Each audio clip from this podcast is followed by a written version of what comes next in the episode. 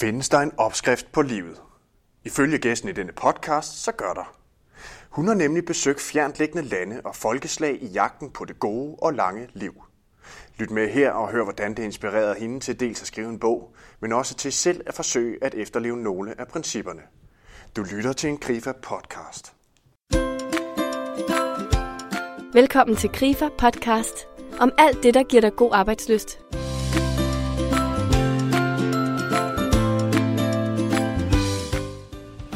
Kender sikkert Sisse Fisker som tv-verden fra aftenshowet på DR, TV2 Sporten eller rejseprogrammet Livets Opskrift. For nylig valgte Sisse dog at kvitte det trygge job på DR til fordel for et liv som selvstændig. Blandt andet ønsket om at få mere tid sammen med sin familie. Det sceneskift har som noget af det første ført til udgivelsen af den aktuelle bog Livets Opskrift. Jeg har mødtes med Sisse på en af Frederiksbergs livlige frokostcaféer for at tage en snak om hendes nye liv og for at se, om jeg kan blive lidt klogere på livets opskrift. Du lytter til en Grifa podcast, og mit navn er Jakob Fabricius. Velkommen til. Jamen Sisse, du er skiftet fra det trygge, faste job ved DR til faktisk at blive selvstændig. Ja, Kan du ikke fortælle lidt om øh, baggrunden for det? Mm, baggrunden er, at jeg øh, synes, jeg var et sted i mit liv, hvor jeg havde brug for noget mere fleksibilitet. Jeg havde gennem otte år været vært på aftenshowet og stået rigtig mange aftener inde i studiet på Rådhuspladsen. Og øh, jeg har jo små børn på 4 og 5 år, og det der med at, at undvære dem et par dage om ugen og have de der lange dage, jeg synes, jeg lige pludselig ikke gav så meget mening. Og så var der også, øh, så var der også noget i det der med, at når man har lavet det samme i 8 år, så er jeg i hvert fald sådan en sjæl, der godt kan lide at komme videre. Og jeg fik så tilbudt af det, jeg får lov til at komme ud og lave programmerne, der hedder Livets Opskrift, hvor jeg tager ud og besøger de fem steder i verden, hvor folk lever længst. Og der fandt jeg ud af, hvor sjovt det var at komme ud og møde mennesker, altså ude i virkeligheden, og ikke bare inde i studiet. Så, øh, så der bliver jeg bare sådan mindet om, ej, det er dejligt det her, det skal jeg noget mere. Og så snakkede jeg så med DR om øh, at komme ud af aftenshowet, og det fik jeg lov til, og så har jeg lavet en 3-4 andre programmer, også noget quiz og en tur rundt i Danmark, i det, der hedder Glimt af Danmark. Og så, så endte vi med at blive enige om, at jeg skulle hellere være freelance, og så skal jeg forhåbentlig lave et par tv-programmer om året, men, men kun som ven af DR, så jeg sagde faktisk mit faste arbejde op. Ja, så skal jeg så holde foredrag, og jeg fik mulighed for at skrive en bog, og sådan kan selv skabe mit arbejdsliv lidt bedre. Gav det et lille sug i maven? Ja, selvfølgelig. Altså, jeg har jo jeg har altid været fastansat. Jeg har altid haft en vagtplan. Jeg har altid haft en chef. Jeg har altid haft en ret faste rammer, og har egentlig godt kunne lide det i mange år. Øhm, og så de seneste, jeg er knap ni år på DR, ikke? Så det der med sådan at skulle sige farvel kolleger, farvel faste arbejdstider, selvom det er jo et ønske fra mig selv, så var det også ret vildt sådan at gå ud af døren og aflevere mobiltelefonen og computeren og, og bare sige, vi ses en gang, måske. Ikke? Og så lige pludselig have alle dage fri i kalenderen, hvor det bare var, altså, der var ingenting fra 1. september. Det var, det var ret vildt, men det var også helt fantastisk dejligt. Så du føler, det er det rigtige valg? Jeg føler, det er det helt rigtige valg, og jeg blev heldigvis, kan man sige, da jeg sagde op, der lavede jeg sådan en opdatering på Facebook, hvor jeg skrev, at nu har jeg sagt op, jeg vil gerne være en fri fugl, jeg vil være der mere sammen med mine børn, vi vil ud og rejse, jeg vil skrive den her bog om livets opskrift. Og så blev jeg jo heldigvis, kan man sige, bombarderet med sjove tilbud om at blive alt fra kommunikationschef i en sportsklub til at være reklamesøjle for et hvidevarefirma til at ja, så holde foredrag og være konferencier. Så det var jo fedt, så lige pludselig der var jo masser af muligheder derude, men, men jeg anede det jo vidderligt ikke, om telefonen ville ringe én gang, eller om jeg selv skulle ud og, og lave en masse benarbejde for at få noget arbejde. Og, og det er jo sådan, fra dag til dag, så kommer der noget ind, så skal jeg jo så også lære at sige nej, fordi jeg sagde jo op for at få mere tid til min familie. Ja, ikke? præcis. Så det der med at sige nej til et rigtig godt job, og ja, øh, tv-programmer har jeg også sagt nej til, og sådan noget, ikke? Sådan, der var også nogen, der gerne ville med ud og filme vores rejse med børnene, og det der med at trække stikket, og det var sådan, nå ja, så måske, og så alligevel, nej, det skal være os, det skal være ren ferie. Så jeg har da været i vildt mange dilemmaer bagefter også, ikke? men jeg er helt sikker på, at det med at være min egen chef, det tror jeg, det tror jeg kommer til at være i lang tid fremover. Kan du ikke sige sådan helt generelt, hvad, hvad betyder arbejde egentlig for dig? Arbejdet har altid fyldt sindssygt meget i mit liv. Det er det, der har gjort mig glad. Det er det, der har givet mig nogle af de største oplevelser, fra jeg startede som studievært på TV2-sporten, hvor jeg var en del af drengene, altså alle drengene på sporten, der ikke, hvor jeg kom ind og startede med at lave morgensport, og så var til EM og til VM, og altså jeg arbejdede 60-70 timer om ugen. Jeg boede fandme nærmest på kvægtorvet i Odense. Men, men arbejdet var bare en leg. Altså det var, jeg var simpelthen så glad for det, og jeg, jeg følte ikke, at det var 70 timer. Jeg følte, det var 20 timer. Jeg følte, det var mit andet hjem. Øh, og når arbejdet spiller, så har jeg det som regel rigtig godt. Når det ikke spiller, jeg har også prøvet at sidde i en rigtig kedelig kommunikationsafdeling i en bank, og kigge på klokken, og kigge på klokken, og kigge på klokken, hvor 37 timer føltes som 100 timer. Og der tog jeg så igen efter nogle måneder selv ansvar og sagde, så må jeg ud af det her, og så må jeg et andet sted hen. Fordi det er sindssygt vigtigt for mig, når vi bruger så meget tid på arbejdet, at, øh, at jeg synes, det er sjovt, og det er inspirerende, og jeg selv vokser i det. Så, øh, så mit arbejde, det skal være noget, hvor det er passionen, der driver værket. Og nu er du så blevet selvstændig, og øh, noget du for nylig har gjort, det er faktisk, at du har skrevet en bog. Ja. Livets opskrift. Mm. Hvorfor, hvorfor nu en bog? Jamen, fordi det er en ny udfordring, og jeg elsker nye udfordringer. Og det kom sådan egentlig øh, lidt ind fra venstre, fordi jeg var i gang med at lave de her tv-programmer til DR øh, af samme navn, Livets Opskrift, hvor jeg var i Costa Rica. Det var det første af de fem steder i verden, jeg besøgte, hvor der er rigtig mange, der bliver 100 år. Og den der kostarikanske livsstil, hvor de bare sådan øh, tiden jo bare nærmest gik i stå. Jeg boede lokalt hos en familie i en uge, ikke uden wifi, og forsøgte at gøre mig forståelig med spansk, engelsk, dansk og øh, armbevægelser og sådan noget, når jeg skulle i bad, og hvad er det, vi spiser og alt det der. Ikke? Og mærke den der ro, de havde i det samfund. Hvordan de spiser fra jord til bord, hvordan de taler sammen, de ser på hinanden. Der er ikke hele tiden fjernsyn og iPads og mobiltelefoner. Jeg blev sindssygt inspireret af den livsstil.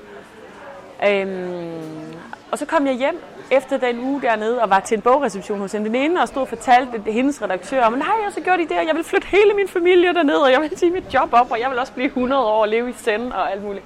Og så var hun sådan en, det skal da ikke bare være tv. Du skal da skrive en bog om det der. Og så var jeg sådan, at jeg egentlig aldrig sådan drømt om at skrive en bog. Men så var jeg sådan, gud ja, altså fordi du ved, tv-program det er 43 minutter, færdig slut. Og jeg havde jo oplevet så meget, og der var fire rejser forud, ikke? Så var jeg sådan, jo. Og så på det tidspunkt tænkte jeg så på at tage overlov for det, og det endte med, at jeg sagde op, ikke? Men, men øhm, så blev jeg sådan hooked på, gud, der er noget her, for jeg synes bare selv, at det har været så inspirerende for mig, at jeg kunne give det videre i en bog også, og ikke kun i et tv-program. Så det var sådan lidt tilfældigt, men så var det en vildt fed proces. Når man er vant til at lave nyheder eller aktualitetsprogram som Aftenshowet, hvor du læser 10 linjer i en nyhed, så interviewer du statsministeren. Så læser du 10 nyheder om ny CD, så interviewer du en musiker, eller en musiker. Og så lige pludselig får lov til at sidde og fordybe sig i videnskabelige artikler omkring søvn. Hvorfor er det, det der søvn er så godt for kroppen? Og altså sådan virkelig grave ned tre måneder bare helt nørdet omkring det der grunden til, hvorfor man bliver gammel og sund. Ikke? Det har været en helt vildt fed proces. Så jeg kunne forestille mig, at de her rejser og også det her at skrive den bog, det må have ændret noget i dit liv? Ja, Jamen det har det. Jeg sidder jo her med vådt hår, fordi jeg har været til træning. Jeg har jo simpelthen begyndt at prioritere mit eget helbred meget, meget højere end jeg gjorde hidtil. Jeg har haft alt for travlt i nogle år. Jeg har født to børn med 17 måneders mellemrum, og efter den sidste fik jeg en masse problemer med min ryg, hvor jeg blev lagt ned med en sygemelding i 4-5 måneder. Det var sådan første, det er halvandet år siden nu, ikke? Det var sidste vinter. Der fik jeg rigtig meget tid til at tænke over, hmm, passer jeg godt nok på mig selv? Altså, hvorfor er det, jeg lige bliver lagt ned her? Hvad er det, der sker med min krop? Hvad er det, den prøver at fortælle mig? Øhm, så, så det satte gang i noget, og så de her rejser ud til alle de steder, hvor de lever så sundt og længe, gav så lige et ekstra skub, ikke? Altså, hvor jeg sådan tænkte, altså jeg skal selv tage ansvar. Der er ikke nogen, der kommer med en ny krop, når jeg fylder 40 til sommer. Altså det, det er der bare ikke desværre. Så jeg er simpelthen virkelig begyndt at tænke over at forkæle min krop med for det første god søvn. Det er verdens billigste og bedste sundhedstrik. Men her i vores vestlige verden, hvor vi kan arbejde hele tiden, se tv hele tiden, så glemmer vi fandme at sove vores 7-8 timer hver nat. Ikke? Costa Rica går det i seng med solen og står op med solen. Bum. Øhm, og så det der med at få spist noget ordentligt mad. Vi ved det også godt. Vi glemmer det bare. Vi køber takeaway og alt muligt knald, ikke? Og, det der, og jeg gør det også stadigvæk en gang, men jeg skal ikke puske løgn alt for hårdt. Men jeg er blevet meget mere bevidst, end jeg var før. Og så for mig, der har lidt en svag ryg. Jeg træner altså hver dag, nogle gange bare derhjemme, 10 minutter med nogle vildt kedelige øvelser, men som jeg bare ved øh, virker. Og, og så som en klassisk styrketræning, varmetræning. Så jeg passer på den der krop, som vi jo skal bruge hver eneste dag, fordi når man har prøvet at ligge helt stille og have ondt hele tiden i fire måneder, så bliver man glad for, at den fungerer igen. Det er så nogle af de ting, du gør. Kan du fortælle om, har du et mål ud fra nogle af de ting, du oplevede, noget du godt kunne tænke dig at efterleve? Øh, ja, altså nu ser jeg også alt det her, jeg gør, og det gør jeg jo heller ikke hele tiden. Altså jeg er jo ikke sådan sporet fuldstændig ind på linje med, sådan som de lever i Costa Rica. Men for eksempel, sådan noget som at få styr på den mentale sundhed, altså og det her med at give sig selv ro, og give sig selv pauser i hverdagen, og give sig selv hvile. Øh, I Japan, hvor jeg også var på den ø, der hedder Okinawa, den sydligste ø i Japan, der er de jo meget bevidste om at, hvis ikke meditere, så i hvert fald holde pauser. Altså det der med, at vi bliver simpelthen nødt til at give vores hjerne noget ro en gang imellem, og det tror jeg jo, øh, eller det ved jeg, sådan en som Peter Kortrup Geisling, der, der er læge på, på DR, ikke, som skrev en, en afslutning på, på min bog omkring mental sundhed. Han siger, at det bliver meget mere den mentale sundhed, der kommer til at gøre ondt på os danskere og kommer til at koste samfundet penge, end det er den fysiske. Nu har vi lært, at vi ikke skal ryge. Jeg har også lært, at vi skal bevæge os. Vi ved også godt, at vi skal spise nogle grøntsager og alt det der. Ikke? Men vi ved, vi, vi har simpelthen ikke fundet ud af endnu, at vi bliver nødt til at slappe noget mere af og give os selv pauser. Og det øver jeg mig på, for det synes jeg er vildt svært. Altså, øh, især nu, hvor jeg er blevet selvstændig, fordi nu er jeg, uh, jeg vil holde mere fri, ikke? Men øh, der er godt nok mange mails, der skal svares, og så er der lige en faktura, der skal sendes ud, og så skal jeg øh, til møde i banken og med revisoren, og så skal jeg tage stilling til, hvor meget jeg vil arbejde, så skal jeg huske at sige nej, og alt det der, ikke? Og hele tiden skal man lige skrive et eller andet på LinkedIn, eller på Facebook, eller på Instagram, eller blive ringet op og alt muligt, ikke? Så, så det er noget, jeg stadigvæk øver mig på, for det vil jeg virkelig gerne blive god til, for det tror jeg er sindssygt vigtigt for ja, krop og sjæl og for helbredet. Dejligt. Ja. Sådan her til sidst, uh, Sisse. Dine børn, har de, har de fået en mor, der er med til sted nu? Ja, de har for eksempel lige øh, i går, der holdt vi bare fri, selvom det var mandag. Vi skulle ikke rigtig noget, men, øh, og jeg skulle ikke rigtig noget. Og øh, så var der lige kommet lidt sne udenfor, og så holdt vi bare fri. Og det er mor, der afleverer, og det er mor, der henter. Og øh, det er mor, der er på cykeltur om eftermiddagen, øh, fordi så henter jeg klokken to, og så henter jeg klokken halv tre. Og der er jo selvfølgelig stadigvæk dage, hvor jeg er ude og arbejde, og så henter min mand, men jeg har bare det der med, at jeg selv kan planlægge. Så skal jeg til arbejde jeg jo nogle gange om aftenen. Nogle gange arbejder jeg en hel søndag, hvor jeg ved, at min mand er afsted med drengen til fodbold. Så bruger jeg hele søndagen, for så at kunne hente tidligt mandag, tirsdag og onsdag. Så den fleksibilitet, den sætter jeg sindssygt meget pris på. Du har nu lyttet til en Grifa podcast. Jeg synes, at essensen af det, Sisse her fortæller, handler om det at sige fra og selv tage ansvar for det liv, som man ønsker at leve. I hendes tilfælde et liv med mere tid til familie, men også et liv med fokus på de værdier, der virkelig betyder noget. Det kan nogle gange betyde, at man skal skifte spor fra det trygge til det ukendte og mere risikofyldte, men samtidig med mulighed for den helt store gevinst.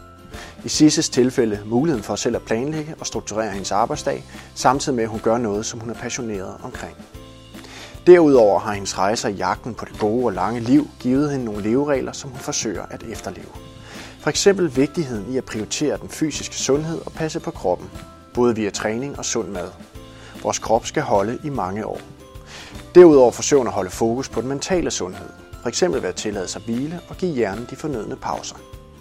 Jeg håber, at Sisses historie har givet dig stof til eftertanke og været med til at rejse spørgsmålet, matcher mit arbejdsliv mine værdier og passer det sammen med den måde, som jeg gerne vil leve mit liv på. Du kan jo for eksempel prøve at liste nogle af de værdier, som betyder noget for dig personligt, og efterfølgende matche dem op med de værdier, som du synes, du udlever igennem dit arbejde. Vi bruger det meste af vores vågne tid på arbejdet, så det skal altså give mening. Husk også at holde de fornødne pauser. For at blive langtidsholdbar på arbejdet, skal vi huske at finde nogle åndehuller. Forskningen siger, at mennesket kan være i flow i cirka to timer ad gangen. Herefter har hjernen brug for en pause, og allerhelst på afstand fra skrivebordet. Brug for eksempel 5 minutter på en tur rundt om bygningen på din arbejdsplads. Du vil opleve, at din effektivitet og dit generelle overskud stiger.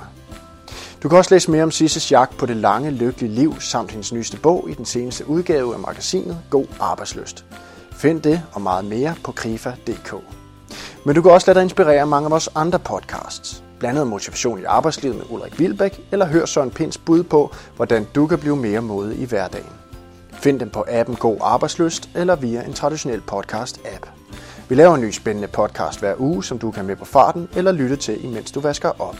Tak fordi du lyttede med, og på genhør.